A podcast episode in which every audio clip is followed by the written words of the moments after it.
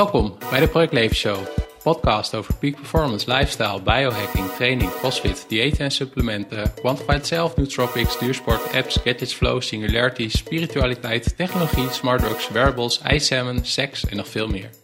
Mijn naam is Peter Joost. Voordat we starten, wil je meer weten over de Project Leven Show? Ga dan naar www.projectleven.nl slash podcast. Wil je niets missen van de Project Leven? Ga dan naar facebook.com slash projectleven of abonneer op deze podcast via iTunes, Stitcher of Overcast. Abonneer je op mijn nieuwsbrief door te gaan naar www.projectleven.nl.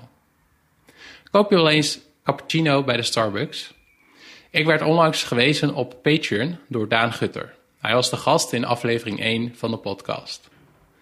Het opnemen van de interviews vind ik fantastisch. Maar het reizen en bewerken kost wel wat tijd en geld. Dat vind ik prima, ik doe het heel graag. Maar toch. Je kan me helpen door maandelijks een kleine bijdrage te doen via patreon.com slash projectleven. Voor de prijs van 1 tol cappuccino bij de Starbucks, dat is de kleinste maat, het kost 3,15 euro, ben je al officieel Patreon supporter van de podcast. Dat is al hartstikke gaaf natuurlijk. En voor de prijs van 2 tol cappuccino's, dus 6,30 euro, heb je toegang tot alle uitgeschreven transcripts van de interviews, audio-opnames van voor- en nagesprekken met gasten, de mogelijkheid om vragen te stellen aan komende gasten en exclusieve concepthoofdstukken van mijn nieuwe boek, waar ik mee bezig ben. Met die financiële steun van je wil ik bijvoorbeeld nog betere opnameapparatuur kopen of misschien wel internationale gasten gaan interviewen, zoals Ben Greenfield, Rhonda Patrick en wie weet mijn held Tim Ferriss. Andere manier waarop je me trouwens kan helpen is door een goede review op iTunes achter te laten of je vrienden, vriendinnen, collega's en familie te vertellen over de podcast of het te delen via social media. Anyway, genoeg hierover, we gaan naar de show. Here we go. In deze podcastaflevering praat ik met Kevin Weijers. Kevin is in 80 experimenten de wereld over gegaan. We hebben het daarover. Je zult het ook wel merken aan het begin van de podcast. Het begint iets anders dan anders. En we hebben het vooral over boeken. Wat zijn nou de vijf boeken die de meeste invloed op Kevin's leven hebben gehad? Of nog steeds? Wat heeft hij eruit geleerd en hoe past hij dat toe? Ik vond het echt super boeiend en ik hoop dat jij dat ook vindt. Wil je meer weten? over de links en de boeken die we bespreken. Dan kun je de show notes bekijken. Ga daarvoor naar www.projectleven.nl slash Kevin-Weijers. En Weijers schrijf je met W-E-I-J-E-R-S. Het was een enkeltje naar Hanoi, sowieso. Ja. Ehm, dus ik dacht, ik zie wel hoe lang ik wegblijf. En ik zie wel waar ik heen ga. En ik zie Ja. wel waar ik uitkom. En ik, ik heb echt geen idee. ja. En iedereen stelde van tevoren altijd allemaal vragen van wat ga je dan doen en waar wil je heen en hoe lang gaat het duren. En ik wist niks. En ik weet het nog steeds niet. Nee. Ehm, en dat is wel het grappige van ehm, het doen van die experimenten. Het niet weten is juist het leuke. Als je zou weten van tevoren wat eruit komt, dan Ja. hoef je het experiment niet meer te doen. Want dan is het hele doel van het experiment, is, vind ik niet leuk meer. Nee. Dus het niet weten is juist het grootste deel van, van de lol. Ja. En als je denkt dat je 80 keer hetzelfde gaat doen, 80 experiments, dan doe je daarin de aanname dat je niks leert gaandeweg. Dus dat je niks van je experimenten leert en dingen gaat aanpassen. En dat vond ik fascinerend dat mensen in die aanname doen. Dus dat je denkt, oké, 80 experiments, dan ga je 80 keer een experiment doen en dat ziet er 80 keer hetzelfde uit. Dat is heel gek. Mhm. Ja. Ik blijf fascinerend vinden. Ja. Wat vond je van Hanoi? Want ik, eh, in Hanoi, ik ben er twee jaar geleden geweest met mijn vriendin. En dat was wel echt wel heel grappig. Want we lazen in de Lonely Planet van tevoren van pas op dat je niet wordt gescamd. En wij dachten, ah joh, dat gebeurt dus niet. Maar we, zaten, ehm, we hadden moeite om een taxi te vinden bij het airport. Dus toen hadden we gewoon een, een, eh, een beetje zo'n local eh, cab genomen. En we zeiden van ja, we moeten naar Backpackers eh, in of zo. Een beetje Mhm. het bekende ding. En ehm, toen weet ik nog dat hij zei van ja, nee, er was een flood en bla bla bla. En, en wij waren ook wel een beetje gaar, dat moet ik er wel een beetje bij zeggen. Misschien een slechte smoes. Maar wij geloofden dat. En toen zei hij ja, but there's another hostel. En nou werden we gedropt en we waren al lang blij dat we een bed en zo hadden. En toen, de volgende dag, toen we fris en scherp waren, kwamen we erachter dat we gewoon in de klassieke scam waren gestapt. Want uh, ja, die taxichauffeur had een deal met dat hostel waar we uiteindelijk terecht kwamen. Aan de rand, ergens aan de rand van de stad. En ehm, maar uiteindelijk is het allemaal wel goed gekomen. Nou, en precies dat, hè. Uiteindelijk is het dus allemaal wel goed gekomen. En dat vind ik zo fascinerend ook. Dat mensen van tevoren maken ze zich druk om duizend en één scenario's. Ja. Als maar niet dit, als maar niet dat. Los van dat je niet weet of het überhaupt gaat gebeuren. En de dingen die gebeuren, zoals dit, dat je in de maling wordt genomen. Nou, waarschijnlijk weet je niet eens meer hoeveel geld het je gekost heeft. Nee. Maar je hebt een prachtig verhaal. Ja, ja. is toch lachen? In het moment is het niks. Nee, klopt. Maar achteraf is het toch leuk? Ja, ja, klopt. Zo weet ik nog van dat ik in een nightbus uh, zat, daar in Vietnam. Oh, en jij, ik bent, ben, jij bent lang, net Ik ben lang en ik ben oh. hè, wat breder dan de, de gemiddelde Vietnamees. dus ik paste helemaal niet in dat ding. En dat rijdt over van die heuvels de hele tijd. Dus ik zat in zo'n plastic kuipje met mijn schenen zat ik daar tegenaan. Ik klapperde de hele tijd daar. Ik heb 12 uur wakker gelegen. En toen, lagen we, toen werd ik ochtends om 6 uur ook nog in de verkeerde stad gedropt. Ja, het was hel. Ja. Maar goed, als je daar nu op terugkijkt het, was, het is wel een mooi verhaal. Ja, en dat is eigenlijk altijd. Wat, wat je, als je iets gaat doen en je weet niet precies wat er gaat gebeuren. Of het lukt, dan is het tof. Of het lukt niet, dan heb je meestal een mooi verhaal. Ja, precies. dus het komt altijd wel goed. Ja. Nou, hartstikke cool. Misschien uh, hou ik dit, deze intro er gewoon in. Moet even kijken. Maar om nog even officieel te starten. Ik, uh, de Project Leven Show. Vandaag de gast Kevin Weijers. Kevin, uh, kun je... Ja, je bent heel moeilijk te vatten, dus doe het maar lekker zelf. Ja, mijn naam is Kevin Weijers. Um, ik, ben inderdaad misschien wat lastiger uh, een stempeltje op te drukken van wat ik precies doe. Ook omdat ik erin geloof dat hetgene waar ik mijn geld mee verdien, dat dat niet per se hoeft te zijn waar ik de meeste van mijn tijd in stop.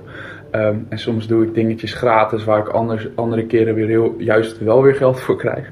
Um, maar globaal gezien uh, help ik bedrijven en organisaties en ondernemers om met experimenten het gat tussen het denken en doen te dichten. Dat is een beetje waar ik op ben uitgekomen. Um, omdat ik uh, gefascineerd ben door hoeveel toffe ideeën er zijn en hoe mensen zich vaak laten tegenhouden door aannames.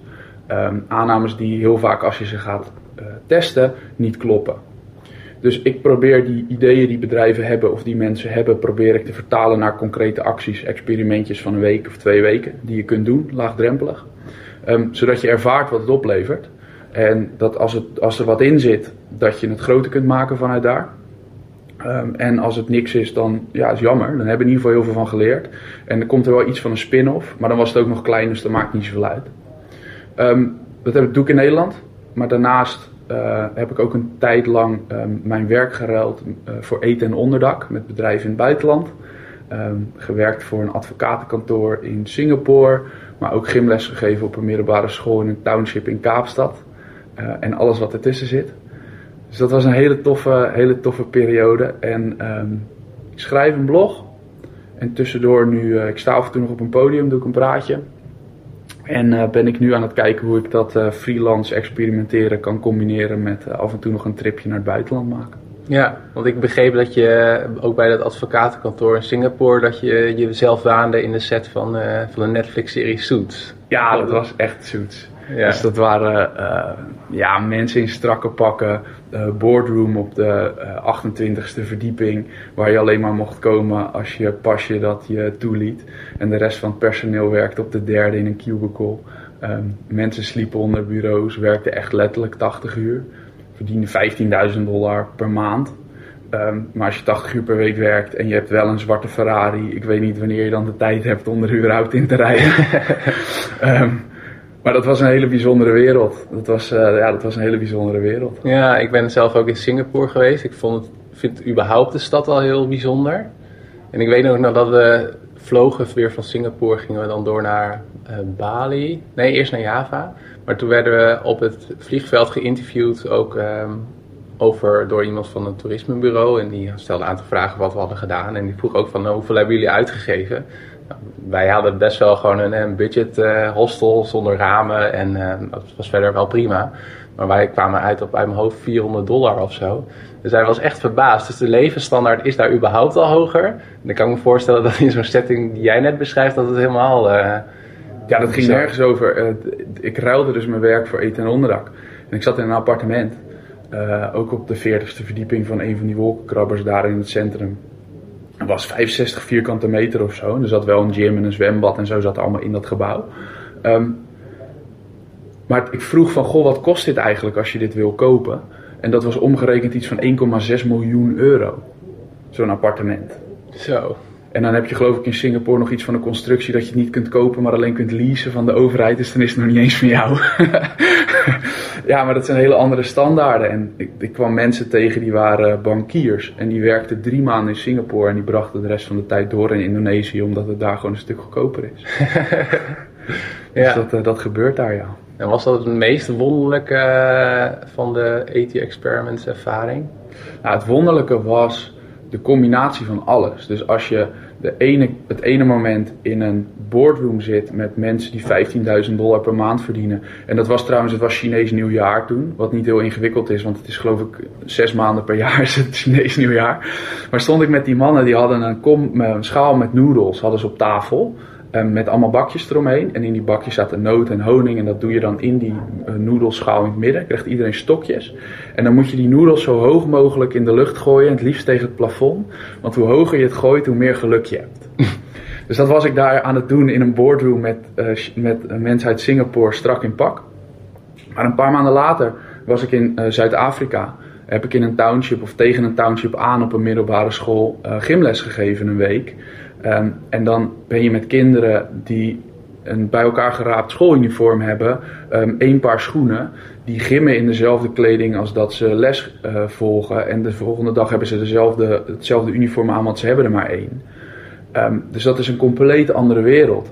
En daar lachen kinderen ook. Daar is ontzettend veel ellende. Echt, echt heel veel ellende. Het is levensgevaarlijk. Mensen zeiden tegen mij, je kan hier niet over straat.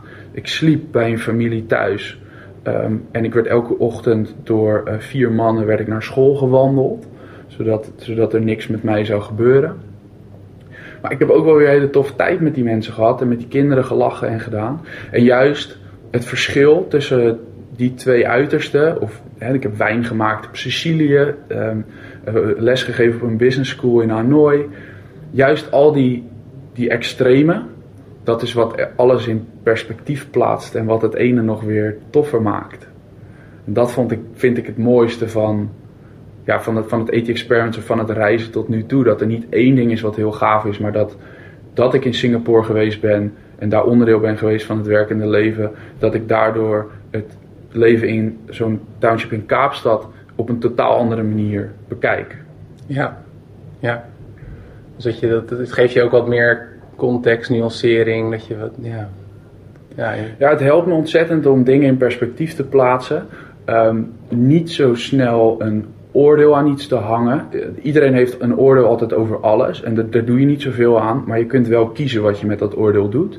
Dus je kunt wel kiezen of je daar daadwerkelijk iets goed of fout aan labelt.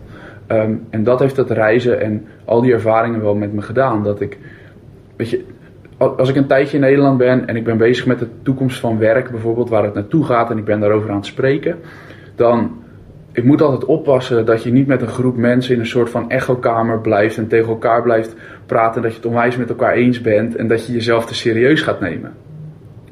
En als ik dan naar een andere stad reis, naar het buitenland, waar niemand je kent, waar het leven gewoon doorgaat, waar ook mensen lachen op straat, dan, be- dan besef ik altijd eventjes van, ja weet je, tuurlijk ben je, ben je met dingen bezig en dat is voor jou op dat moment heel belangrijk, maar het maakt ook weer allemaal niet zo onwijs veel uit. Nee. En dat relativeert gewoon altijd wel lekker. ja, ja. Dus dat vind ik het fijne van het reizen. Het Ja. wisselen van perspectief.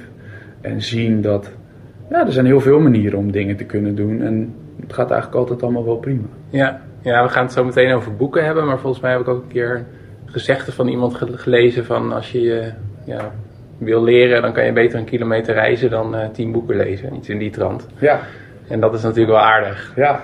En eh, waarover ben je gepassioneerd en waar weten mensen dat eigenlijk niet? Ja, ik ben vrij open. Ehm, ik, ik schrijf vrij open op mijn blog, denk ik. Ehm, dus ik weet niet of er dingen zijn die mensen echt niet van mij weten. Ehm, ik vind passie ook altijd een beetje een gevaarlijk dingetje. Ik ben meer van de nieuwsgierigheid. Ehm, dus ik kan het ene moment onwijs in iets duiken en dan na twee weken het idee hebben dat ik het heb uitgevogeld. Dus dat hoeft niet zo te zijn. Maar dat ik het idee heb dat ik het heb uitgevogeld. En dan vind ik het helemaal niet meer zo leuk als dat ik het twee weken geleden vond. En dan ga ik weer door naar het volgende. Ehm, maar wat wel een rode draad is, uh, dat, dat zijn wel mensen. Ik vind mensen fascinerend. En um, ik heb heel veel contact met mensen. Ik heb tijdens mijn reis, ik heb nog steeds met, met, met echt met heel veel mensen uh, die ik onderweg ontmoet heb en waar ik bij gewerkt heb, heb ik nog contact. Um, en wat ik wel echt doe, omdat ik, ik geloof er oprecht in dat je het gemiddelde bent van de vijf mensen met wie je de meeste tijd doorbrengt. Daar geloof ik echt oprecht in. Dat ik, ik heb hier in Nederland wel echt een kernclubje van mensen die ik heel hoog heb zitten. En waar ik heel veel tijd in investeer om veel tijd met hun door te brengen. En samen te sporten en uh, het over de boeken te hebben en gewoon leuke dingen te doen. Dus dat is wel iets, um, dat benoem ik nooit zo expliciet. Maar ik ben wel heel bewust bezig om tijd door te brengen met mensen waar ik heel veel energie van krijg. Ja, en hangt voor jou dat ook samen met, uh, dat, vraag, dat is een vraag die ik aan elke gast stel, uh, met de term peak performance? Ja, ja zeker weten. Ik, um, ik, ik, toen je de vragen toestuurde, um, peak performance, uh, moest ik lachen. Um, mijn vriendinnetje heeft uh, uh, twee dagen geleden de alternatieve Elfstedentocht gewonnen op de Wijzezee. Um, dat is een hele andere peak performance dan, ja, dan waar ik mee bezig ben. Kijk, ik heb, ik heb altijd gevoetbald in de topklasse bij FC Lisse. leuk niveau, maar, maar niet mega hoog of zo. Uh, maar ik was wel altijd drie keer in de week aan het trainen, zaterdag een wedstrijd. Was nu... je dan ook uh, verdediger? Ja. Ja, een grote gast. Ja, ik was ja. centraal verdediger. En, uh, en nu crossfit ik. En in, in crossfit kan ik ook mijn... Um, ik kan me, vooral mezelf erin verliezen tijdens dat, voor zolang als dat de workout duurt. En eigenlijk daarna ben ik altijd weer heel rustig. Dus ik ben nooit ontzettend bewust bezig met peak performance. Want het grappige daarvan toen ik dat zag was, altijd als ik iets probeer te forceren om echt het beste eruit te halen, dan blokkeert dat om daadwerkelijk het beste eruit te laten komen. En ik merk altijd, en dat is een van de boeken wat, wat ik zo meteen ook over wil hebben, is op het moment dat ik het juist een beetje loslaat en juist ruimte hou voor spontane dingen om te gebeuren, dat leidt dan tot peak performance. Ja. Maar we kunnen wat mij betreft wel gelijk de inhoud in. Over welk boek heb je het dan? The Subtle Art of Not Giving a Fuck. Van Mark Manson. Van Mark Manson. Het is een briljante titel natuurlijk. En um, ja, hij beschrijft in dat boek heel duidelijk van um, dat je de zelfhelpboeken hebt en de positiviteitsboeken. En waarin mensen zeggen van ik, ik wil beter, ik wil meer, ik wil blijer zijn. Um, en hij zegt daarin heel terecht, denk ik, dat het najagen van iets positiefs dus van ik wil meer, um, dat wordt dan gezien als iets positiefs, dat dat in essentie iets negatiefs is. Omdat je eigenlijk zegt van ik wil blijer zijn en dat betekent dat je dat nu niet bent. Dus dat is eigenlijk iets negatiefs. Ja. En dat je beter dat negatieve zou kunnen accepteren, van nu is het zo, um, en dat dat iets positiefs is in zichzelf.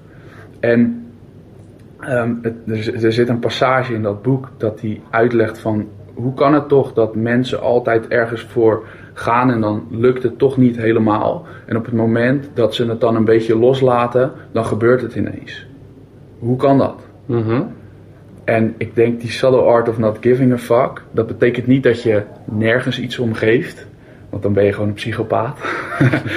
maar dat je, niet, dat je je niet over dingen echt obsessief, en daarom vind ik passie soms ook een beetje een, een, een, dingetje. Mensen kunnen zich wel een beetje verliezen in passie. En dan doe je misschien niet de meest slimme, meest rationele dingen. Um, ja, dat het, dat het juist wel goed is om, om ook een beetje die ruimte te houden en om af en toe dingen niet zo serieus te nemen. En dan gebeurt er, gebeuren er heel veel toffe dingen. Ja, ja, dat is wel, misschien moet ik dat boek ook lezen, want dat is wel iets waar ik veel last van heb. Ik, het is wel een inzicht die ik laatst ook een meer heb gekregen dat ik er zelf bewust van ben. Op wat voor manier? Nou, dat, zeg maar op een heel abstract niveau. Dus ik gaf laatst een lezing bij een uh, uh, bedrijf. En dan had ik verteld over uh, transhumanisme en een uitspraak van Aubrey de Grey. En die zegt van de eerste persoon die duizend jaar wordt, die is nu al geboren. En toen kreeg je ook de afloop de vraag van, ja, waarom? Waarom, moet, waarom moeten überhaupt wij als mens duizend jaar worden? Mhm. Waarom? En toen, en toen later had ik, was ik bij een debatavond in Utrecht. Dat ging over de beste versie van jezelf worden. En dat ook een soort van modern twintiger, dertigers dilemma. Dat je altijd uh, nou, heel veel wil reizen, maar daarnaast ook een start-up wil hebben. En een heel tof leven hebben, et cetera. En dat we... En dat je, ja, biohacking zit er ook wel een beetje in, van het optimaliseren van je leven en zo. En wat jij zegt van, ja, soms moet je dingen loslaten omdat, uh, om het, en dan, dan komt het als het ware naar jou toe. Ja, kijk, het, het gaat om het, wat, wat mij, wat ik ook tijdens mijn reizen, als ik, ik had mijn backpack op, er zat er heel weinig spullen in. En ik wist gewoon dat het goed was. En het klinkt natuurlijk altijd een beetje zweverig, en, maar dat was wel wat het was. En ook als je, um, ik heb van de zomer, ik was in, uh, um, ik ben zes maanden weg geweest. Toen kwam ik terug voor drie, voor drie weken om mijn paspoort te verlengen. Dat had ik expres gedaan, zo opengelaten, zodat ik na zes maanden in ieder geval even terug moest naar Nederland om te reflecteren van hoe zijn die eerste zes maanden nou gegaan en ga ik door en in welke vorm. Zodat ik ingebouwd. Ik bouw in elk experiment wat ik doe, bouw ik een proefperiode in. Om te kijken van wat is er gebeurd en hoe ga ik door. Dus dat had ik gedaan door mijn paspoort te, te laten verlopen. En op de dag dat ik zou vliegen naar Stockholm, werd ik wakker met pijn in mijn borst. En ik naar de dokter, want het tintelde in mijn arm en zo, dat voelde niet goed. Door naar het ziekenhuis en toen bleek uh, mijn hartzakje ontstoken te zijn. Pericarditis, dus het vlies wat om je hart zit en er zat wat vocht tussen. En de dokter die duwde mij naar uh, de, uh, terug naar mijn, naar mijn kamer. En we stonden voor de lift. En die man vroeg aan mij, heb jij nog plannen de komende dagen? Moest je heel hard lachen. En toen zei ik tegen hem, ik zeg nou, ik vlieg vanavond naar Stockholm voor het tweede deel van mijn wereldreis. En toen zei hij, jij vliegt helemaal nergens naartoe. En als jij niet belooft aan mij nu dat jij twee weken plat op de bank ligt, dan hou ik je hier. Dus dat was eventjes, uh, dan moest ik even schakelen. En wat deed dat met je op dat moment? Uh, nou, ik trok echt wel wit weg, We, hoorde ik van mijn vader achteraf. Want ik had echt nog wel de overtuiging van, ja, ik kan het wel aan mijn hart hebben, maar joh, ik kan toch gewoon in dat vliegtuig en dat komt wel goed. Maar dat was dus echt niet de bedoeling. Um, dat was op dat moment echt een ding, want ik dacht, daar gaat mijn project. Totdat ik dus besefte dat ik, ik lag daarna thuis op de bank. En ik dacht, ja weet je, de basis is eigenlijk wel gewoon prima. Ik ben nu even ziek, maar ik ga gewoon ervoor zorgen dat ik weer fit word zoals ik was. Um, en dan heb ik de keuze om gewoon weer door te gaan. Want ik heb nog steeds alles. Ik heb mijn backpack nog, ik heb mijn vrienden nog. Ik kreeg alweer aanbiedingen van in die drie weken dat ik in Nederland was voor klussen, voor freelance klussen. Of ik weer aan het werk wilde. Dat ik dacht, oh dat is ook grappig. Iedereen denkt ik kan nooit zomaar weg. En ik was zes maanden weg, ik kom terug en ik krijg gewoon weer dingen aangeboden. Dus blijkbaar kan dat. Dus ik dacht, die basis is er. Dus waar maken we nou eigenlijk druk om? En dat is op het moment dat je... Um, dat je bijvoorbeeld dat je ziek bent, dat je even de tijd hebt om daarover na te denken, dat je beseft van oké, het belangrijkste is dat ik gewoon fit ben. Het belangrijkste is dat ik leuke mensen om me heen heb. En als dat, als dat goed is, dan maken al die andere dingen eromheen maken niet zoveel uit. Alleen op het moment dat je niet ziek bent, dan neem je dat voor gewoon aan. En dan ga je je richten op al die dingen die je nog niet hebt. Dus ik denk dat er heel veel waarde in zit. En dat beschrijft hij in die Subtle Art of Not Giving a Fuck. Om je daar gewoon niet zo druk om te maken. Wel erom te geven en je best te doen en hard te werken om, om dingen te bereiken en om ambitieus te zijn. Maar om daar niet al je geluk aan op te hangen van of dat dan wel of niet lukt. En dat, dat vind ik wel een, uh, vind ik een hele mooie. En ja, wat ik net zei over dat reizen, dat relativeert altijd zo lekker. Want een van de gevaren, denk ik, is dat je jezelf te serieus neemt. Um, en dus dat probeer ik te voorkomen. Ja, precies.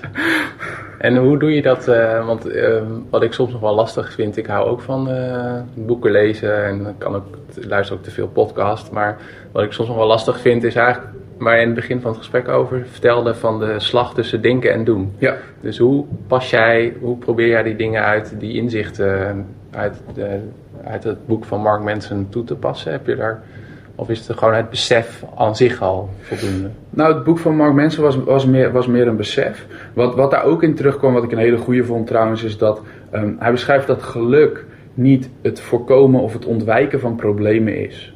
Want problemen zijn er gewoon altijd. Dus hij geeft het voorbeeld dat de dakloze die bij het station ligt, die heeft duidelijk geldproblemen. Um, maar een Warren Buffett of een Bill Gates, miljardair, die hebben ook geldproblemen. Dus iedereen heeft problemen. Warren Buffett heeft misschien alleen betere geldproblemen. dus problemen zijn er altijd. Ja. Dus ga nou niet proberen om ervoor te zorgen dat je die problemen ontwijkt of dat je ze voorkomt. Hij zegt geluk zit erin dat je je problemen kiest. Dus de problemen die je wil hebben. En daar vervolgens mee aan de slag gaat. Ja. En dat is wel een van de dingen wat ik heel bewust heb toegepast en waarom ik freelancer ben.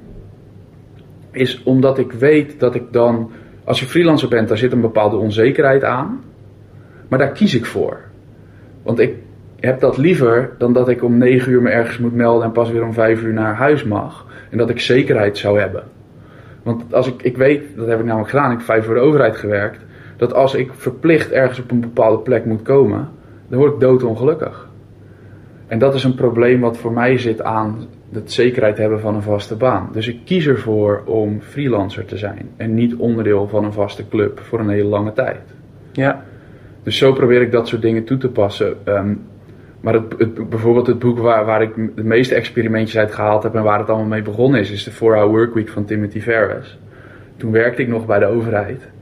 En toen ik dat boek las, dacht ik, huh, wat grappig. We willen altijd als we iets willen veranderen, willen we meteen dat het, van, dat het 180 graden anders is. Dus dat het compleet tegenovergestelde wordt. Maar als je dat wil, dat is gewoon heel moeilijk. En dan zijn er allerlei redenen waarom je bedenkt dat het niet kan. Maar als je nou eerst eens gewoon die eerste stap zet. En dan nadat je die eerste stap gezet hebt, gaat kijken van hé, wat grappig, wat heb ik gedaan, wat heb ik geleerd en hoe kan ik van hier weer verder. Zonder dat je dat hele proces al uitstippelt. Dan kan er ineens heel veel. En het voorbeeld daarbij was, ik kreeg 150 e-mailtjes per dag. Daar was ik drie tot vier uur per dag mee bezig. Nou, ik ben een vrij actieve jongen, dus achter mijn computer stilzitten de hele dag vind ik niet zo leuk. Um, en ik dacht, als ik straks 80 ben, wat heb ik dan gedaan? E-mails En heb ik heel veel e-mails beantwoord. Ja. En toen merkte ik dat als ik meer stuurde, dat er meer binnenkwam. En iedereen dacht, ik moet stoppen met de e-mail, ik wil er vanaf. Maar dat is echt wel een hele grote stap. Alleen, als je merkt dat je meer binnenkrijgt als je meer stuurt, het testen van krijg ik minder binnen als ik dan minder stuur, dat is niet zo'n grote stap om te doen. En dat kun je best twee weken testen zonder dat de wereld vergaat. En dat ben ik toen gaan doen. Ben ik op e-mail dieet geweest. Later met Kim Spinder zijn we met Weekly Mail daar mee aan de gang gegaan. Hebben we bedrijven geholpen om vanuit minderen met e-mail meer met belangrijkere dingen bezig te zijn. Met waarde toevoegen voor je klanten. Um, en toen heb ik gemerkt, los van het hele stoppen met e-mail, dat het testen van die aannames, dat daar heel veel waarde in zit. En dat dat klein beginnen tot ontzettend grote dingen kan leiden. En dat is een ander dingetje waar ik nu als ik op een podium sta, waar ik vaak of discussies over heb met directeuren. Dat, dat groot denken, dat kan iedereen wel. Uh, iedereen kan wel grote plannen maken of zo. Waarbij ik dan nog steeds denk van als je dan groot denkt, denk dan echt heel groot. Um, maar dat kleine starten, dat wordt toch op een of andere manier, iedereen weet dat wel. Maar op de een of andere manier wordt dat toch gezien alsof je dan geen ambitie hebt of zo. Mm -hmm. Terwijl ik, de, ik denk, ik weet eigenlijk wel zeker, dat je beter twee weken klein kunt beginnen en dat je iets hebt vanuit waar je door kunt bouwen. Dan dat je drie maanden praat over iets wat heel groot is, maar je doet nooit wat. Nee. Want dan ben je na drie maanden nog steeds op hetzelfde punt. Ja. En ik weet dat als ik klein begin, ben ik na drie maanden heel veel verder dan die mensen die er nog steeds over praten. Ja, ja wat er ook wel mee samenhangt, is natuurlijk dat je ook wel een beetje momentum opbouwt. Hè? Ja. Dus als je ja. successen boekt, dan heeft, heeft dat iets om op door te bouwen. Ja, bij het stoppen met e-mail, dat was, de bedoeling was niet eens om te stoppen met e-mail. Ik was gewoon benieuwd als ik minder stuur, komt er minder binnen. Wat, dat wat bleek was, zo te zijn. En wat was daarna de volgende stap? Um, ik merkte dat doordat ik maar één keer per dag mijn mail mocht kijken van mezelf en maar drie mailtjes mocht sturen, wat vrij drastisch is als je er 150 per dag krijgt, dat je als je je inbox opent moet gaan kijken van hoe los ik dit op in plaats van hoe geef ik antwoord. En dat is een nuanceverschil, maar dat nuanceverschil is echt cruciaal. Dus hoe zorg ik er gewoon voor dat dit nu klaar is? En dan was het antwoord vaak niet om op reply te klikken, dan was dat vaak iets anders. Um, dat zorgde ervoor dat ik dat door mezelf minder te sturen, dat mijn aantal inkomende e-mail halveerde. Na drie weken of zo. En toen kwam ik erachter dat van die 75 die ik er toen nog kreeg per dag, ongeveer 60%, 65% van vijf en dezelfde mensen kwamen. En toen heb ik met die vijf mensen heb ik een kop koffie gedronken en gezegd van wat vind jij zelf nou eigenlijk handig om te communiceren met elkaar? Ja. Hè, wat vind je fijn? Dat maakte dat, eigenlijk die, dat er weer 60% bijna vanaf ging. En dat op een gegeven moment had ik nog maar zo weinig e-mail. Dat de voordelen van e-mail niet meer opwogen tegen de nadelen. En dat ik heb gezegd van oké, ik stop helemaal met dit e-mailgedoe. Uh, ik heb mijn inbox, ik kijk één keer per week. Um, maar eigenlijk wist iedereen op een gegeven moment hoe ze me moesten bereiken op andere manieren. Um, en hebben we dat daar gedaan.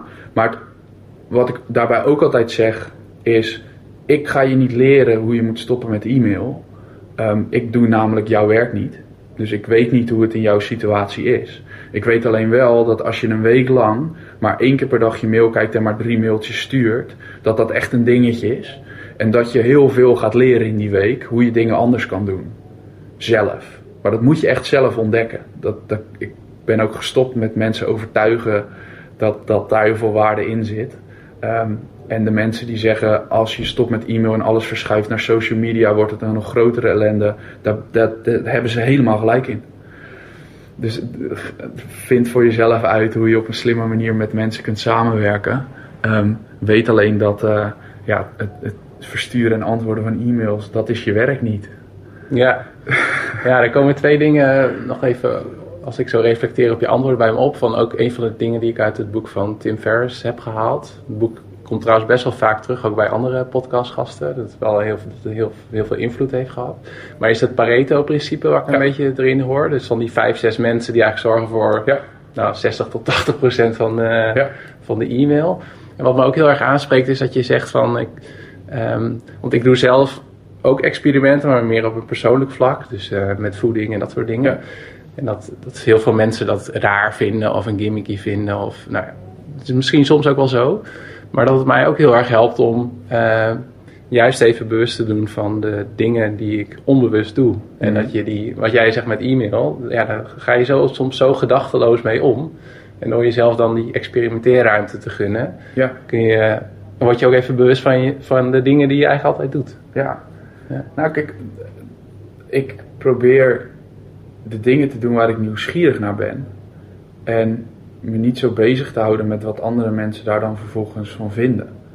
En dat is wel een lastige soms, want iedereen heeft altijd een mening. En een mening hebben over iets is makkelijker dan iets gaan doen zelf. Um, ik heb een paar weken geleden, heb ik als testje, daar had ik wat over gelezen, uh, heb, ik, heb ik drie dagen niet gegeten. Dus alleen maar thee en water. En dat heb ik niet gedaan vanuit allerlei medische redenen. Ik had geen idee. Dat ben ik later wel een beetje gaan opzoeken wat daar mogelijk de voordelen van zouden kunnen zijn. Maar ik was gewoon oprecht benieuwd wat het met je doet als je drie dagen niet eet. Zowel fysiek als mentaal. Normaal gesproken vind ik het al lastiger om keuzes te maken als ik wat laat lunch. Dus ik was gewoon heel benieuwd wat het zou doen als ik drie dagen niet eet. En dan hebben mensen van buitenaf allemaal ideeën hoe je dat dan beter kunt doen en hoe je dat kunt meten. En heb je je dan gewogen van tevoren? Dus nee, want het maakt me niet uit. Ik vind het niet interessant om te weten of ik daarvan afval. Dat is niet de reden waarom ik het doe. En die mensen blijven dan praten over wat het met je zou doen als je drie dagen niet eet. En ik denk dan, ja, weet je, ik doe het wel gewoon, dan weet ik het. En dan gaan we weer door. En had ik het beter kunnen doen? Ja, absoluut. Absoluut. Het had veel beter kunnen zijn. Ik had me helemaal kunnen laten doormeten. Maar dat vind ik niet zo interessant. En misschien doe ik het straks nog wel een keer en laat ik me dan wel doormeten. Ja. Maar nu heb ik het in ieder geval een keer gedaan. Ik weet dat ik het kan. Ik weet wat het met me doet. Ik heb er een hoop van geleerd. Nou, gaan we weer door. Ja. Ja, ik heb het ook gedaan inderdaad. En ik heb het dan inderdaad wat meer dingen gemeten. Maar ik vind het heel erg tof hoe je dat, uh, hoe je dat insteekt. Ik had gisteren of eergisteren had ik een verhaal gehouden bij Pechacucha in Amsterdam. Ik weet niet of je dat principe kent. Mm -hmm. 20 keer 20, 20 slides van 20 seconden. En dat ging dan over de chip in mijn hand. En dat was ook een beetje... Mijn punt wat ik maakte is hetzelfde wat jij zegt. Van je kan allemaal wel nadenken over de impact van nieuwe technologie en de symbiose van technologie en biologie en chips in je huid, in je lichaam. Maar je kan het, ja, je hebt van die gekken nodig om het gewoon zelf te testen, om te kijken wat het met je doet. Ja. Terwijl er een heleboel meningen over zijn. En dat, uh, ik maak even een mooi bruggetje, want ik denk dat die heel mooi past. Want dat, niet eten, dat is ook heel erg vanuit het stoïcisme. Ja. Toch? Vanuit, uh, en een boek die je ook hebt geselecteerd is, uh, waar ik uh, moeilijk doorheen kom, is Meditations Ja. van Marcus Aurelius. Ja. Dat is wel, ja, hoe ben je daar mee in aanraking gekomen? Laat ik met die vraag beginnen. Ja, ik ben via die Timothy Ferris ben ik bij Ryan Holiday gekomen. Um, en Ryan Holiday is, is ook een schrijver. Hij heeft um, Ego is the Enemy geschreven en The Obstacle is the Way. En dat is gebaseerd op Stoïcijnse filosofie. En filosofie is altijd wel een woord waarvan mensen denken dat het zweverig is. Stoïcijnse filosofie is denk ik het tegenovergestelde en het meest praktische wat er is.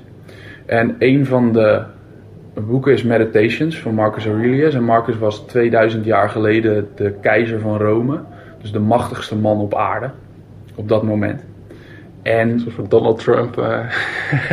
ja, ik denk dat hij zelfs nog wel machtiger was dan Donald Trump. Ja. en, en, en, minder gek. Um, maar die, wat, wat, wat hij gedaan heeft, is voor zichzelf zijn lessen opgeschreven.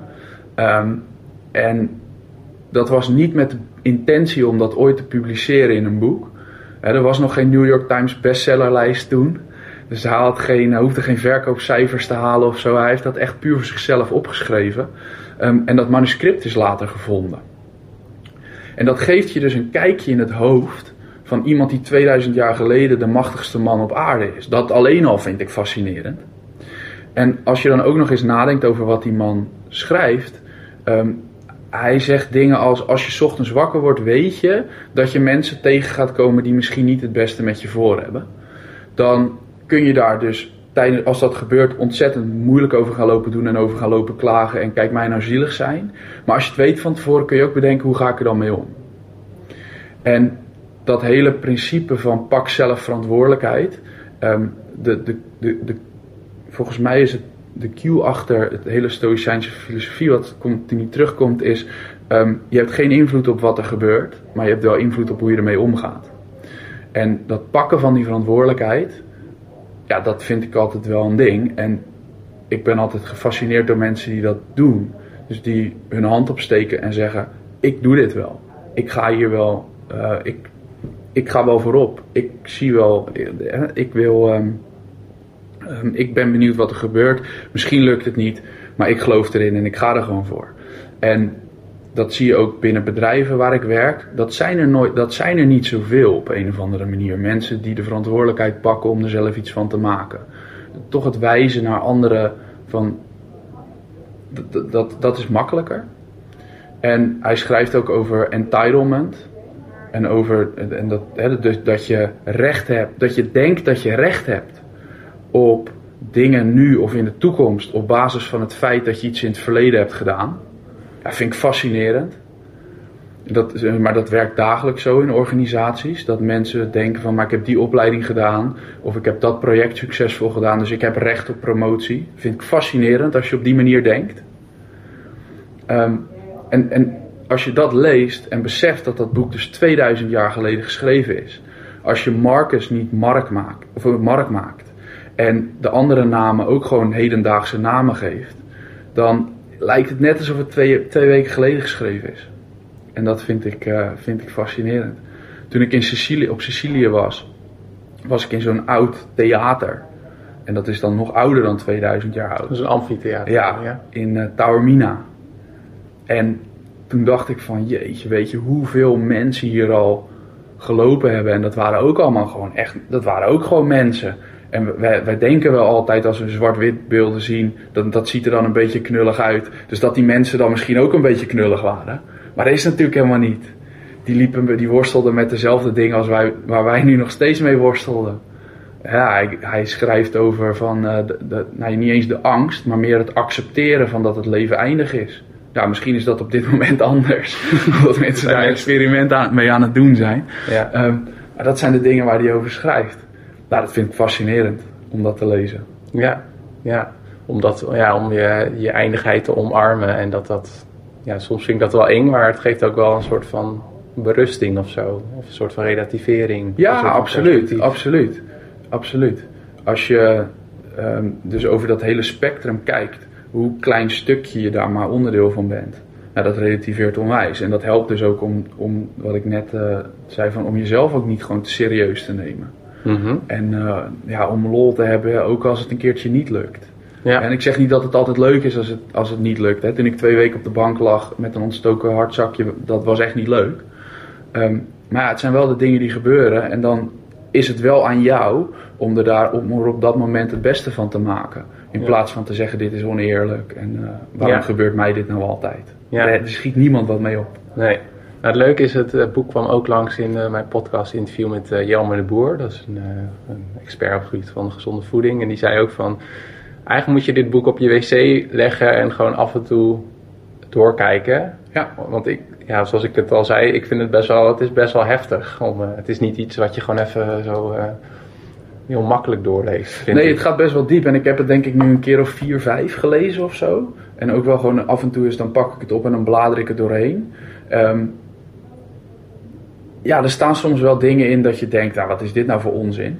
En dan als je het een paar maanden later leest, dan denk je ineens, zo, Ja. daar zit een hoop waarheid in. en dat is wel grappig van zo'n boek. Het heeft heel veel lagen. Ja, Ehm, en het is gewoon heel praktisch. Een ander voorbeeldje waar hij het over zegt is: de, de beste manier om wraak te nemen op iemand is om niet zo te zijn. Ja, dat, is- dat, dat is natuurlijk dat is briljant in zijn eenvoud, maar hartstikke lastig om te doen. Ja, Hè, als je vindt dat iemand je onrecht heeft aangedaan, ja, om dan te zeggen van, nou ja, oké, weet je, maar ik ga niet, ik ga geen wraak nemen op jou. Ik, je hebt gedaan wat je hebt gedaan, maar ik ga ervoor zorgen dat ik wat anders doe. Als je dat soort dingen, dat, dat je beseft dat iemand dat 2000 jaar geleden heeft opgeschreven, nou, dat zijn tijdloze adviezen, denk ik. Ja, en daarom, en dat, dat doet me denken aan ook iets wat ik later een keer las in het boek Anti- Anti-Fragile. Die is ook al een paar keer genoemd, die is van Taleb.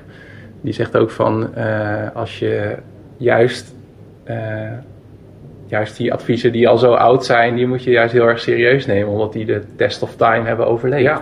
Ja. Ja, absoluut. Daar ben ik het helemaal mee eens. Ja, maar ik ben onlangs weer begonnen om het boek te lezen. En dat haakt eigenlijk weer op een eerdere opmerking die je maakte. Want ik was bij een seminar van Casper van der Meulen. Dit is aflevering 26 van de podcast. En die had eigenlijk ook eh, wa- wat jij zei van... ehm, soms heb je het idee dat je als mens eh, geen problemen wil hebben. Dat je dan zorgeloos bent en blij bent. Maar het zit gewoon in onze menselijke natuur om eh, problemen op te zoeken. Want daar zit onze groei in. Alleen het is wel een essentieel verschil tussen eh, of jij inderdaad problemen van buiten krijgt of dat je zelf problemen kiest. Nou, hij maakte dan de obstacle runs en de marathons. De- waarom zijn die zo populair? Want het zijn problemen die je zelf kiest. En dat doen we heel erg. En ik heb dan in het boek van. ehm, eh, daar hadden we het van tevoren ook even over. Meestal ben ik niet zo van het schrijven in boeken. Maar ik ben er nu met meditations mee begonnen. En op de eerste pagina heb ik ook een soort van mantra voor mezelf gezet. Van eh, omarm je problemen, je dealt met ze, eh, het leven, en zo groei je verder. Nou, zoiets. En ja, dat deed me heel erg resoneren met wat je net eigenlijk zegt. Ja. ja, kijk, in de ene dag is het wat makkelijker dan de andere dag. Ja, En dat is ook goed om te beseffen en dat is ook prima. ja. En eh je had ook een eh, link gestuurd, die zal ik ook in de show notes opnemen, van Ryan Holiday, die een ja, best wel tof artikel over wat hij weer heeft geleerd van meditations. Een soort van meta-artikel. Ja, dat maakt het misschien nog wat praktischer. Ja, Omdat hij gewoon heel concreet benoemt, dit zinnetje in dat boek op die bladzijde, daar heb ik dit van geleerd. En dat pas ik zo toe. ja, En dat haalt het heel erg naar deze tijd. Ja. Dus misschien helpt dat. Ja, dat, en toen ik dat las, toen dacht ik ook van ja, dit is ook wel zo'n boek waarvan je dan dingen inderdaad in de zijkant krabbelt. En dan eh, lees je het boek een jaar later weer en dan gaat het veel meer leren, omdat je het leven en leren, omdat je het kan relateren aan, eh, aan dingen in je eigen leven. Ja, en het is ook een fantastisch boek om niet van voor naar achteren te lezen. Ja, Eh, je kunt het gewoon openslaan op een willekeurige pagina en een stukje lezen. En misschien zit er wat in, misschien niet. nee, Doe je het morgen nog een keer. ja. En eh, je hebt ook Ego is the Enemy eh, van Ryan. Ik heb The Obstacle is the Way eh, gelezen van Ryan Holiday. Ja, Ja. Ego and the Enemy. Ja, ego is the enemy. Is the Enemy, oh ja. Ja. Ja, dat is ook een. ehm, dat, dat heeft voor mij ook wel wat. wat, wat, de, ja, wat inzichten gegeven. Ehm, en dat gaat ook heel erg over jezelf belangrijk vinden. Dat je vindt dat je ergens recht op hebt. Ehm, en een- een stukje wat, wat mij heel erg aanspreekt is, en zeker in een tijd waarin social media en iedereen alles op social media zet wat hij doet en het groter maakt dan dat het daadwerkelijk is. En dat noemen we dan marketing of personal branding.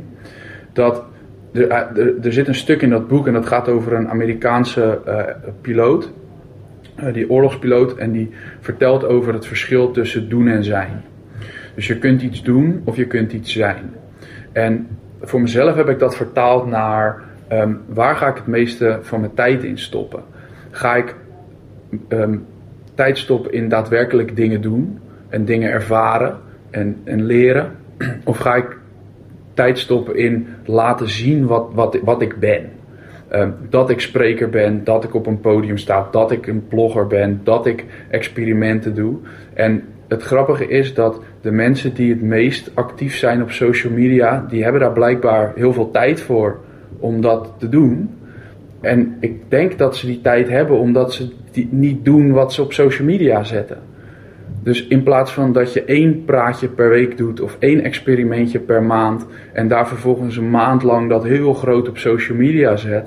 Ja, ik doe liever vier experimenten en dat ik er maar één deel, bij wijze van spreken, omdat dat doen voor mij zo belangrijk is. En hij zegt in dat boek op een gegeven moment van iedereen komt op een, uh, uh, op een gegeven moment op een, op een keuzemoment dat je gaat kiezen van wil ik iets doen of wil ik iets zijn. En ik denk nog steeds dat daden meer zeggen dan woorden.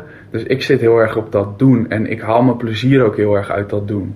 Dus als ik dat zo'n experiment doe met drie dagen niet eten, of als ik mijn hele 80 Experiment project kijk, ik heb daar heel weinig aandacht aan gegeven op social media. En dat is een hele bewuste keuze geweest. Omdat als ik daar heel veel tijd in had gestopt, had ik het misschien heel groot kunnen maken voor de buitenwereld. Ik denk dat er heel veel marketingpotentie in het eti-experiment zit. In het je werkruilen voor eten en onderdak met bedrijven in het buitenland.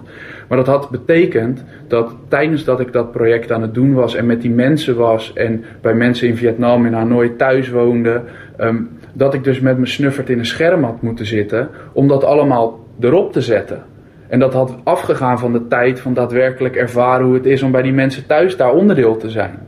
Dus ik heb er heel bewust voor gekozen om mijn tijd door te brengen met de mensen met wie ik op dat moment ben. Niet uh, al mijn aandacht in social media te stoppen en ongeveer 80 of 90 procent van mijn tijd te stoppen in het doen. En maar 10 procent in dat stukje van laten zien wat ik dan ben.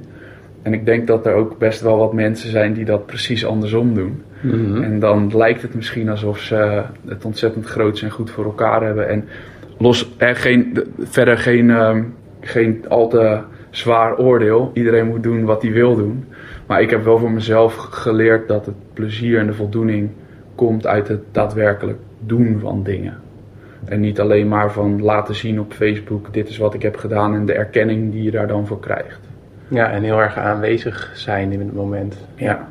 Ja, ik ga daar echt regelmatig nog de fout in. Van, het is, eh, want eh, daar heb ik het ook met andere podcastgasten wel over gehad. Bijvoorbeeld Maarten de Braver, dat is aflevering 11. Over zeg maar dat de slimste engineers uit, uh, uit die Amerikaanse universiteiten en Chinese universiteiten, die gaan bij uh, Facebook werken. Van Facebook en Instagram en WhatsApp. Met als doel ook allemaal inzichten vanuit de gokindustrie te krijgen om jou gewoon zo lang mogelijk op die schermen te krijgen. En mm-hmm. als ik naar mijn Instagram kijk, dan voel ik ook een soort van instant gratification als ik likes heb, of op Facebook als ik ja. likes heb. Maar het grappige is dat dat ook dat gevoel heel snel weg is. Het is ook ja. een soort van verslaving of zo. Ja, het is enorm kortstondig. Ja. En sterker nog, je gaat dan vergelijken hoeveel likes jij, jouw foto heeft gekregen ten opzichte van een foto die je veel minder vindt van iemand anders. En die heeft dan meer likes en dat kan toch helemaal niet? Nou, voordat je het weet zit je in zo'n interne ja. discussie in je hoofd. Ja, dat wil je niet als je boven op de tafelberg staat. Nee, dan wil je gewoon genieten van het uitzicht en ja. niet van hoeveel likes je hebt op je foto. Of in ieder geval, zo, zo zit ik in elkaar. En, en dat heb ik wel, uh, dat heb ik uit Ego is the Enemy uh, gehaald. Is dat het is gewoon je ego die zegt ik wil zoveel likes op mijn foto. En het is je ego die zegt het is niet eerlijk dat diegene wel zoveel likes heeft en ik niet. En ik heb dus heel erg, en dat, dat doe ik heel erg mijn best voor en dat lukt niet altijd. Maar om daadwerkelijk mijn voldoening te halen uit het doen zelf. En dan ben ik gewoon minder bezig met ja, wat, wat anderen daar dan van vinden. Of dat dan positief is of negatief is. Ja, nou ja, dat is wel. eh, En wat ik wel. Ik heb het boek niet gelezen, maar dat, vroeger dacht ik altijd van ja, ego, dat is per se iets negatiefs en je moet egoloos zijn. Maar volgens mij is ook wel de kern van het boek van het ego is niet per se, ook niet per se, de Nee. titel is The Ego is the Enemy, maar het is ook niet per se slecht. Nee, nee, nee, tuurlijk niet. Kijk, je mag best wel voor jezelf opkomen. En je hoeft jezelf niet altijd weg te cijferen. Ehm, en het linkje naar een, het- het- een, een ander boek is Leef je eigen legende. Dat is eh, van de Alchemist, van Paulo Coelho. Volgens mij spreek je dat zo uit. Ik weet het niet. Ik hoor altijd alle mensen het allemaal anders, ja, allemaal anders uitspreken. Ehm, maar de boodschap van dat boek is Leef je eigen legende. En dat maakt dus dat je keuzes moet maken over wat jij belangrijk vindt. En ik denk dat als je niet een klein beetje ego toelaat, dan kun je niet doen wat jij belangrijk vindt. Want dan ga je continu mee met anderen wat anderen belangrijk vinden. Dus het, het is een balans. Ehm, en dat is de paradox, denk ik, met, met, met alles. Dat, ehm, ik weet nog wel, met, met, je hebt ook van die momenten eh, loslaten of de regie pakken. Dat zijn twee van die tegenhangers. En dan vragen mensen, die zijn heel trots op dat ze los kunnen laten. En sommige mensen zijn heel trots op dat ze regie kunnen pakken. Ik denk dat het afhankelijk is van welke situatie je in zit. En dat het echt heel knap is. Als je dan in zo'n situatie kunt bepalen, kan ik nu beter maar wat meer met de flow meegaan en het loslaten? Of ga ik nu regie pakken? Toen ik achter op de motor zat naar die township in Kaapstad. En dat ik echt wel bang was, omdat ik niet wist wat daar ging gebeuren. En ik zo werd gewaarschuwd van, eh, je wordt vannacht achterover getrokken ja, dan kan ik wel heel moeilijk daar de regie pakken en dingen, maar dat werkt niet. Dan kun je het maar beter loslaten en zien wat er gebeurt en op het moment dat er wat is. Maar vorige week stond ik op Charles de Gaulle, moest ik overstappen. Nou, dat vliegveld is één groot doolhof. Ehm, en ik moest naar mijn gate. Ja, als ik het dan loslaat, dat werkt niet. Dus dan moet je wel de regie pakken en op iemand afstappen en zeggen: luister, ik heb deze ticket, ik moet naar die gate, kun jij me helpen? Ja, Dus juist die balans tussen, vinden tussen het een en het andere. En dat is met ego, is dat, is dat denk ik ook. ja, ja. Ja, ik vond het wel interessant dat je ook de alchemist had eh, gekozen. Want het wordt wel soms wel ingedeeld in, in, in categorie, ja, met alle respect, zelfhelpboeken. Maar het is ook vooral een verhaal. Hè? Ja, prachtig verhaal. ja. Ja, prachtig verhaal. En wat ik, wat ik eruit heb gehaald is het, het verhaal gaat over een, een jongen die is schaapsherder. En hij is schaapsherder omdat hij wil reizen. Dus hij reist met zijn kudde schapen. Ehm, en hij komt op een gegeven moment in een dorpje en dan zit hij op een bankje. En dan komt er een man naast hem zitten. En die man begint een verhaal eh, met hem. En die wijst naar iemand die op dat plein popcorn staat te verkopen. En ehm, de boodschap van, van, van dat stuk in het boek is dat die man die verkoopt popcorn omdat popcorn hoger aangeschreven, het verkopen van popcorn staat hoger aangeschreven dan het zijn van schaapsherder. Schaapsherder is in de, eh, in de hiërarchie heel laag. Ehm, maar die man die verkoopt popcorn om geld te sparen om later ooit een keer misschien op reis te kunnen. En die jongen is schaapsherder en die is al aan het reizen. En die accepteert dus wat anderen van hem vinden, omdat hij al zijn eigen legende leeft. En die andere die verkoopt popcorn omdat dat wat aanzien geeft, mogelijk omdat hij dan later zou kunnen gaan reizen. En de les die ik daaruit heb gehaald is dat je altijd hebt, je hebt altijd genoeg om te kunnen doen wat je wil doen. De enige manier, de enige de ding is om er creatief mee om te gaan, hoe je daar vervolgens uiting aan geeft. En de reden waarom het mij zo aanspreekt is omdat toen ik in een vliegtuig stapte, heel veel mensen tegen mij zeiden van ja, maar jij bent single, ehm, je hebt geen appartement, je hebt geen auto, je hebt geen vaste baan. Dus voor jou is het heel makkelijk om dit te gaan doen. En ik zei altijd met een hele grote glimlach, ja, dat klopt. Maar de reden dat ik al die dingen niet had, is omdat ik de keuze heb gemaakt om naar het buitenland te gaan en het, mijn werk te ruilen voor eten en onderdak met bedrijven. En, dus ik kies ervoor om een aantal dingen niet te hebben, om een aantal dingen wel te kunnen doen. Dus je hebt altijd genoeg om het wel te kunnen doen. En heel veel mensen komen met excuusjes en smoesjes en ik kan dit niet doen, want. En voor jou is het zo makkelijk omdat. En dat is allemaal prima. Ehm, maar dat is de, de, de boodschap van dat boek: van le- leef je eigen legende. Ehm, en je hebt altijd genoeg om te kunnen doen wat je wil doen. En dat vind ik een hele mooie. Ja, ja en ik, ik vind het heel cool. Jij bent heel, eh, heel opgewekt. En ehm, ik ben nog wel benieuwd naar het RAVO-randje. Kun je zo'n excuus noemen die, eh, waar je zelf wel eens op betrapt? in bepaalde, die je voor jezelf hebt om bepaalde dingen niet te doen? Ja, kijk, al die dingen waar, ik, waar we nu natuurlijk over hebben, van wat vinden anderen ervan, uh, kan ik dit wel? Uh, dat zijn allemaal dingen die ook natuurlijk door mijn hoofd gaan. Ja. Um, en soms worstel ik daar dagen mee. Maar dat is ook weer waarom ik mensen om me heen heb verzameld waarmee ik het daarover kan hebben. En die stellen mij dan gewoon goede vragen. En die zeggen, maar wat is dan het ergste wat er kan gebeuren? En ik weet dat ik die vragen ook aan mezelf kan stellen, maar soms is het handig als iemand anders dat even voor je doet. En dan kijk ik van, oké, dus blijkbaar vind ik dit eng, kan ik het nog kleiner maken, zodat de drempel minder groot is. En soms kom ik, wil ik iets doen en dan word ik toch op het laatste moment tegengehouden. En dan besef ik me ook van, ja, maar misschien wil ik dit dan gewoon niet zo graag. Ja. Maar al die dingen waar ik net over spreek en waar wij het nu over hebben, dat, dat heb ik ook. Dat Ja. heeft iedereen, denk ik. En dat is juist waarom ik er zoveel voldoening uit haal als ik wel die stap zet. Ja, precies. Maar ik weet ook inmiddels, ik heb een tijdje gevoetbald, ben ik mee gestopt op mijn 26ste. Dat snapten heel veel mensen niet, omdat ik fysiek nog fit was. Ik heb ontslag genomen bij de overheid, terwijl ik net een managementprogramma in mocht. Ehm, ik was als freelancer, ging het vrij aardig. Op een gegeven moment met klussen heb ik al mijn klanten ontslagen, zodat ik kon gaan reizen. Dus door al die dingen te starten en daarna ook er weer mee te stoppen, heb ik wel geleerd. En dat heeft, geeft ja, een bepaald vertrouwen dat het komt altijd wel weer goed. Net Ja. als in Hanoi, in dat hostel. Om het rondje bij je? te maken. ja, ja. het komt altijd wel goed, ja, eigenlijk. eigenlijk wel. En soms misschien niet, maar dat is mij nog niet overkomen. En tot die tijd, ja, kun je daar denk ik dan heel bang voor zijn. Het gaat zoals het gaat. Ja, ja. Super interessant. Ik heb ehm, gelet op de tijd nog een paar vragen die ik eigenlijk aan elke gast stel. Ja. En eh, nou, de vraag over je favoriete boeken haal ik er dan maar even uit.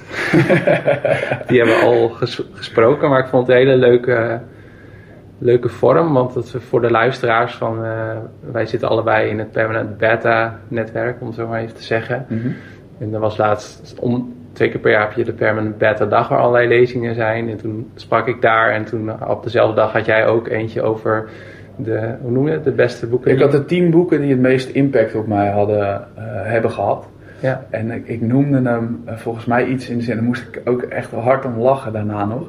Ik had het genoemd, het sessie duurde drie kwartier. En ik had hem genoemd, lees tien boeken in drie kwartier. Dus iedereen dacht dat het daar over speedreading ging. ja, Maar dat ging helemaal niet. Ik ging gewoon elk boek, in vier- gewoon de kern vertellen wat ik eruit had gehaald. En daar het gesprek over aan met mensen. En mensen die niet bij die sessie waren geweest. En het was best wel druk, was grappig. En op social media maakte het ook allerlei dingen los. Die zeiden, ah, maar dat kan helemaal niet. Tien boeken in drie kwartier. En dus ik moest wel lachen om de reuring die daar Ja. omheen ontstond. ja. Ja, leuk. Want ehm, als we het hebben zeg maar over, eh, ik vraag al mensen altijd naar hun ochtendritueel. Hoe zien de eerste 60 minuten eruit als je wakker wordt? Zit, en om even een vervolgvraag erbij te stellen, maakt lezen daar ook onderdeel van uit? Ja. Ehm, ik probeer, de, de eerste 60 minuten, ehm, ik probeer eigenlijk nooit voor tienen de deur uit te moeten. En nou ziet mijn eh, dag er als ik in Nederland ben, ziet er altijd wat anders uit dan dat ik in, in het buitenland ben. Maar globaal wat ik probeer is, ik probeer ehm, eh, te mediteren. Ik heb Headspace op mijn telefoon. Elke dag doe ik dat, een kwartier. Ehm, omdat dat maakt dat ik niet meteen in de waan van de dag spring. Dus dat haalt me er gewoon even uit. Ehm, ik heb ook een abonnementje op Romwot. Dat is voor de crossfitters. Dat is, heeft te maken met mobiliteit. Eh, dat duurt een kwartiertje. Dat is een beetje crossfit yoga. Ehm, dat, dat probeer ik ochtends ook te doen. Dat lukt ongeveer vijf van de zeven eh, dagen. Ehm, en daarnaast probeer ik, ehm, als ik mijn ontbijt maak, als ik dat gemaakt dan en ik ga dat opeten, ik heb de 5 Minute Journal. En daarin, s ochtends schrijf je drie dingen op waar je dankbaar voor bent. Drie dingen waarvoor je, hoe je de dag een succes gaat maken. En één affirmatie. En aan het einde van de dag ehm, pak je hem ook en dan noem je drie dingen die die dag top waren. En één ding hoe je die dag beter had kunnen maken. En dat doe ik tijdens ehm, mijn ontbijt. En dan begin ik vaak met, met een kwartiertje of twintig minuten lezen. Dus dan pak ik gewoon het boek waar ik op dat moment mee bezig ben en dan lees ik. En dat hele proces duurt ongeveer anderhalf uur. En dat vind ik heerlijk. Gewoon lekker relaxed eh, bezig zijn. Niet meteen die, die waan van de dag in. Gewoon 's ochtends rustig opstarten. Dat Ja. is wel echt voor mij rijkdom. Wat heb je, want we nemen het op in eh, Amsterdam, dus je zit, bent in Nederland. Wat heb je vanochtend ontbeten? Vanochtend heb ik ontbeten. Wil je dat heel, heel precies? Nou, vind ik leuk. ja. De havermout met kokosmelk, ehm, rozijnen en ehm, wat eh, eiwitpoeder er doorheen van eh, Orange Fit. Dus dat zijn plantaardige eiwitten. Ehm, en ik heb eh, de puer thee met, eh, met wat kokosolie eh, er doorheen. Ja. En ehm, ik maak dat, zet het meestal dan een kwartiertje in de koelkast. Niet de thee, maar de, de, de havermout. Ja. Zodat het iets koud wordt. Oh, en dan doe ik een lepel pindakaas doorheen. Ik, Oh, ja. ik doe eigenlijk bijna overal, overal pindakaas doorheen. Ja. ja. Ja, lekker. Ja. En heb jij een gewoonte, afgezien van die pindakaas en de dingen die we al hebben besproken, die andere mensen bizar, raar of vreemd vinden? Ja, ik gebruik dus geen e-mail. Of eigenlijk bijna niet. Eh, dat vinden heel veel mensen nog steeds gek. Ja. Ehm, maar dat werkt voor mij eigenlijk prima. En voor de mensen met wie ik samenwerk, eh, werkt dat eigenlijk ook altijd prima. Ehm, nou, ik lees dus veel. Ik ben best wel een extraverte jongen, maar aan de andere kant, ik lees veel en ik schrijf veel. Dus ik heb ook wel gewoon mijn introverte kant, vind ik heerlijk. Ja, ik doe best wel een hoop dingen waarvan eh, mensen het een beetje gek vinden. Met dat reizen en ook als ik uitleg dat waar ik dus mijn geld mee verdien, dat dat niet altijd hetgene is waar ik mijn meeste tijd aan besteed of wat ik het leukst vind. Of van waarom vraag je dan voor dat praatje wel geld en voor dat praatje niet. Ja, dus dat is altijd, ik kijk een beetje in het moment. Dus soms moet, vinden mensen dat apart. En eh, ook de vraag, wat doe je nou eigenlijk precies? Ja. Die krijg ik als ik in Nederland ben, krijg ik die heel vaak. Eh, soms in de variant van moet je niet werken dan? Ja. En eh, dus daar heb ik net ook een blogje over eh, op, het, op, eh, op mijn website gezet. En ik heb daar verder ook niet zoveel moeite mee dat mensen af en toe daar een beetje gek naar kijken. Ehm, de, alleen de eerste keer bij mijn schoonouders aan tafel was het een beetje ongemakkelijk. Dat je moet uitleggen dat je niet echt een vaste baan hebt en dat je veel reist. En, ja. ja, vind ik prima. En wat wilde je worden toen je vroeger klein was? Gymleraar. Gymleraar. Ja, ik wilde altijd gymleraar worden. Ehm, ik heb ook een half jaar ALO gedaan. Daar ben ik toen mee gestopt toen ik 16 was. Ehm, omdat ik eh, overdag de hele dag aan het sporten was op school. En ik was s'avonds, moest ik in de bus naar huis. ehm, anderhalf uur om dan s'avonds op een voetbalveld te trainen.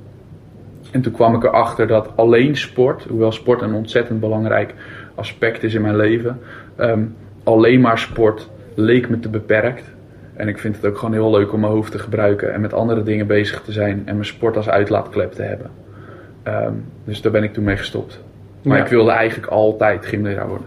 Ja, ja. Nou, wat dat betreft kun je ei ook wel kwijt in CrossFit met de diversiteit aan, eh, aan oefeningen. Daarom vind ik het ook heel tof. Ja. Hey, en ehm, eh, films en documentaires? Heb je favorieten? Ja, ehm, ik heb laatst nog de bucketlist gekeken. Ik vind Morgan Freeman vind ik een eh, fantastische acteur. En er zitten gewoon heel veel goede boodschappen in die film. Ehm, ik vind About Time vind ik een hele mooie film. Ik heb trouwens in Indonesië nog die eh, eh, koffie eh, uit de stront van katten gedronken. Oh, echt? ja. Oh wauw. Hoe was dat? Nou, het was niet... Het idee, het idee was bijzonderder dan onze smaak, laat ik het Ja, zeggen. precies. Ja. Het is het goed gehyped. Ja, Ja, ja. oké. Ik heb het nog niet gedaan. ik wil het nog wel. Ik, maar ik ben een behoorlijke snop als het aankomt op Oh, koffie. ja, ja. Dus als de koffie niet goed is, dan drink ik het niet. Nee, precies. Dan Nee. beter liever geen koffie dan slechte koffie. Ja. About Time? Ja, About Time. Dat, is een, dat gaat over een jongen die terug kan in de tijd. Ehm, die, die film moet je gewoon die moet je kijken. Er zit een hoop humor in. Ehm, maar ook wel echt daadwerkelijk een boodschap. Ehm, en die boodschap wil ik niet verklappen. Want die komt op het eind en dat kunnen zij veel beter uitbeelden dan dat ik dat kan vertellen. Ehm, maar dat gaat, About Time gaat, gaat over, eh, ja, waar word je nou blij van? En zoek je dat in externe dingen of zoek je dat in dingen die er al zijn? En Hm. daar gaat die film over en dat maakt het heel, eh, heel mooi duidelijk. Ja, en ik vind nog steeds de Truman Show vind ik een fantastische, vind ik een fantastische film. Omdat ik het idee heb dat sommige mensen ehm, ja, iemand anders hun leven laten regisseren. Eh, en dat iedereen denkt dat je van 9 tot 5 moet werken. En dat iedereen denkt dat je een pensioen moet opbouwen. En dat iedereen denkt dat je een huis moet kopen. En ik denk dat in al die aannames. Dat, dat het allemaal niet per se hoeft. Dat het een keuze is dat het kan. En dat je er heel blij van kunt worden. Maar dat het niet per se hoeft. Nee. Ehm, en dat maakte de, in die Truman Show eh, iemand die daar doorheen breekt. Eh, ja, dat vond ik, wel- vind ik wel tof. Een mooie Met een hoop humor ook. eh, analogie. Ja, ja. klopt. Dat vind ik, eh, dat is altijd wel. En daarom vind ik The Subtle Art of Not Giving a Fuck zo'n leuk boek. Ik ben best altijd wel bezig met serieuze dingen. Maar probeer dat wel gewoon op een normale, down-to-earth eh, manier te doen waar humor in zit. Om het te relativeren en om dus niet in die valkuil te stappen van om het allemaal maar te serieus te, te nemen. Ja, precies. En een favoriete website, blog of eh, podcast? Eh, Brainpickings is eigenlijk een van de weinige blogs waar ik minimaal één keer per week wel op kijk. Ehm, en dat is van Maria Popova. En zij leest ehm, ja, heel veel boeken over filosofie en wel over de wat meer, de wat zwaardere onderwerpen, maar soms ook heel luchtig, over psychologie, over kunst. Ehm, en dat vind ik heel fijn dat zij al die boeken leest. Want ze schrijft daar stukjes over en dat lees ik dan weer. Ehm, omdat ik dat, dat zijn dan boeken die ik zelf niet zo snel zou lezen. Eh, omdat ik andere boeken eh, leuk vind. Ehm, maar doordat zij daar stukjes over schrijft, kan ik er wel heel veel van leren. En het is een beetje een tegengeluid. Dus ik, dat, dat vind ik. eh, dat, en dat is misschien ook wel iets wat iemand niet van me weet, trouwens. Dat ik, ik heb echt wel ook die interesse in kunst. En, vind Probeer ik het een beetje buiten de filterbubbel eh, Ja, te komen. precies. Ja. Zo grappig, want ik moet, moet er even denken aan die Koetje avond. Want ik, ik sprak daar dan, maar er was ook iemand die had over mode en over Scandinavische interieur. En toen ik daar zat, dacht ik, oh, ik wil, moet er eigenlijk ook meer mee doen. Maar Ja. misschien is brainpicking dan wel een leuke. Ja, dat is zeker een, een, een begin. En het, het gemiddelde zijn van de vijf mensen met wie je de meeste tijd doorbrengt. Ik probeer ook af en toe heel bewust iemand om me heen te verzamelen die gewoon op een andere manier naar de dingen kijkt, zoals dat ik er tegenaan kijk. Ehm, ook omdat daar gewoon heel veel waarde in zit. Ja, precies. En ehm, je, we hebben in, je hebt in dit gesprek al echt wel een paar concrete dingen genoemd. Eh, of tussen de regels door, want die opmerking krijg ik wel vaak van mensen die aan mijn podcast luisteren, dat een heleboel mensen er net weer een ander ding uitpakken. Eigenlijk net op wat ze op dat moment nodig hebben of waar op zoek zijn. Maar als je heel concreet nog een- mensen één ding zou willen meegeven als ze straks klaar zijn met het luisteren van deze podcast, wat zou dat dan zijn? Ja, ga even zitten, pak een eh, blanco blaadje en schrijf zonder dat je er al te veel over nadenkt, is op van waar ben je nou echt nieuwsgierig naar? En dat kan van alles zijn. Dat kan koken zijn, dat kan reizen zijn, dat kan binnen je werk, dat kan een persoon zijn. Maakt allemaal niet zoveel uit. Maar waar, waar ben je nou oprecht nieuwsgierig naar? En hoe kun je nou vanaf waar je dan nu bent naar waar je nieuwsgierig bent? Wat, wat is dan de allermakkelijkste stap die je kunt zetten om daar dan naartoe te gaan? Dat is iets wat ik wel regelmatig doe. En dat houdt dat ik met leuke dingen bezig ben. En dat het niet te eentonig wordt voor mezelf. Ehm, maar ik denk dat nieuwsgierigheid, dat het volgen van je nieuwsgierigheid wel iets is wat, wat onderschat wordt. Omdat we denken dat heel veel dingen horen, dat ze, zo, dat ze logisch zijn, dat ze zijn zoals ze zijn. Dus ik, ik zou dat zeggen, van pak eens een blaadje, schrijf eens op waar ben je nou nieuwsgierig naar en wat zou dan de eerste stappen zijn om daar... eh, en dat kan als je bijvoorbeeld, stel dat je naar Kaapstad wil, wat ik iedereen kan aanraden en ik mag over drie weken weer voor een maand. Ehm, als dat nou iets is waar je heel graag naartoe wil, het, hetgene wat je zou kunnen doen, ook al is, ligt het niet in de mogelijkheid om te reizen, is, is om een boek te lezen wat over Kaapstad gaat, bij wijze van spreken. Ehm, dus er zijn zoveel dingen die je kunt doen, maar nieuwsgierigheid vooral. Ja, Volg je nieuwsgierigheid. En afgezien daarvan en, en de rest van het gesprek, is er iets wat je nog, wat niet aan bod is geweest, maar wat je, wat je toch nog wel kwijt wil? we Ehm, hebben wel een goed beeld gekregen van. Nou, wat ik ook wel een heel belangrijk ding vind, en daar verbaas ik me altijd nog steeds over bij heel veel mensen, is van zorg goed voor jezelf. Het klinkt een beetje betuttelend of een beetje. Als je moeder. Een beetje als je moeder, ja, precies. Maar ik, ben, ik verbaas me erover hoe ehm, weinig mensen, of hoe, ja, hoeveel mensen eigenlijk niet zo goed voor zichzelf zorgen. En dat kan zijn in af en toe even je rust pakken, maar dat zit ook gewoon in bewegen, of dat zit in wat gezondere voeding. En je krijgt natuurlijk duizend en één van die fitnessprogramma's en voedingsprogramma's en weet ik het allemaal, en chiazaad en zo krijg je over je heen. Maar het is allemaal niet zo ingewikkeld. Ga nou eens gewoon een half uurtje hardlopen of wandelen. Ehm, eet nou gewoon wat meer fruit. Dat is gezonder dan een Big Mac. Dat soort simpele dingen. Zorg nou voor jezelf. Uh, en dat je niet afhankelijk bent van of iemand inderdaad iets uitvindt om duizend jaar te worden, uh, dat je oud kan worden. Maar pak die verantwoordelijkheid nou zelf. En dat is nog wel een van de, ja, een van de dingetjes waar ik soms niet over uit kan. ja, ja. Nou, gaaf. Wat uh, ook wel een hele goede toevoeging nog. en ook wel in, in relatie tot een aantal andere dingen waar we het over hebben gehad. Dus heel erg leuk. Wat, wat vond jij van het interview? Ja, tof. En ik, wat ik, ik, we hadden het er van tevoren even over. Um, jij bent het voorbeeld van iemand die nieuwsgierig is naar iets, podcasten, waarvan je zelf benoemde van ik weet niet wie, wie ben ik nou om mensen te gaan interviewen. Um, maar dat je dan vervolgens toch de stap zet om het gewoon te gaan doen. En dan kom je er denk ik vervolgens achter dat je er heel veel plezier in hebt in het doen daarvan. Dus ik denk dat je het levende voorbeeld bent. En ik vind ten eer dat ik uh, in je podcast uh, aanwezig mocht zijn. Dus uh, ik, ik vind het leuk. Ik praat graag nog een andere keer, ook zonder een microfoon of met een microfoon, maakt me niet uit. Een keertje met je door, want dat experimenteren wat jij doet vind ik ook wel interessant. Ja, ja nou, hartstikke leuk. Dat gaan we zeker dan, dan doen. En uh, tot slot, uh, als mensen nu benieuwd zijn naar jou, uh, waar kunnen ze jou vinden op, nou, op internet, social media? Ja, de website is 80experiments.com. Dus 80experiments.com. Ik schrijf daar trouwens in het Nederlands. Um, ja, ik zit wel op Twitter, ik zit wel op Facebook, ik zit wel op LinkedIn. Uh, iedereen, ja, als je mijn naam googelt, dan kom ik geloof ik wel. Ja, wij is dus met IJ, hè? Ja, wij is dus met W-E-I-J. Um, en dan kom je er volgens mij kom je er wel op en dan kun je me vinden. En als je vragen hebt, voel je vrij. Ja, nou hartstikke goed. Dankjewel voor dit gesprek, Kevin. Jij bedankt. Bedankt voor het luisteren naar de Project Leef Show.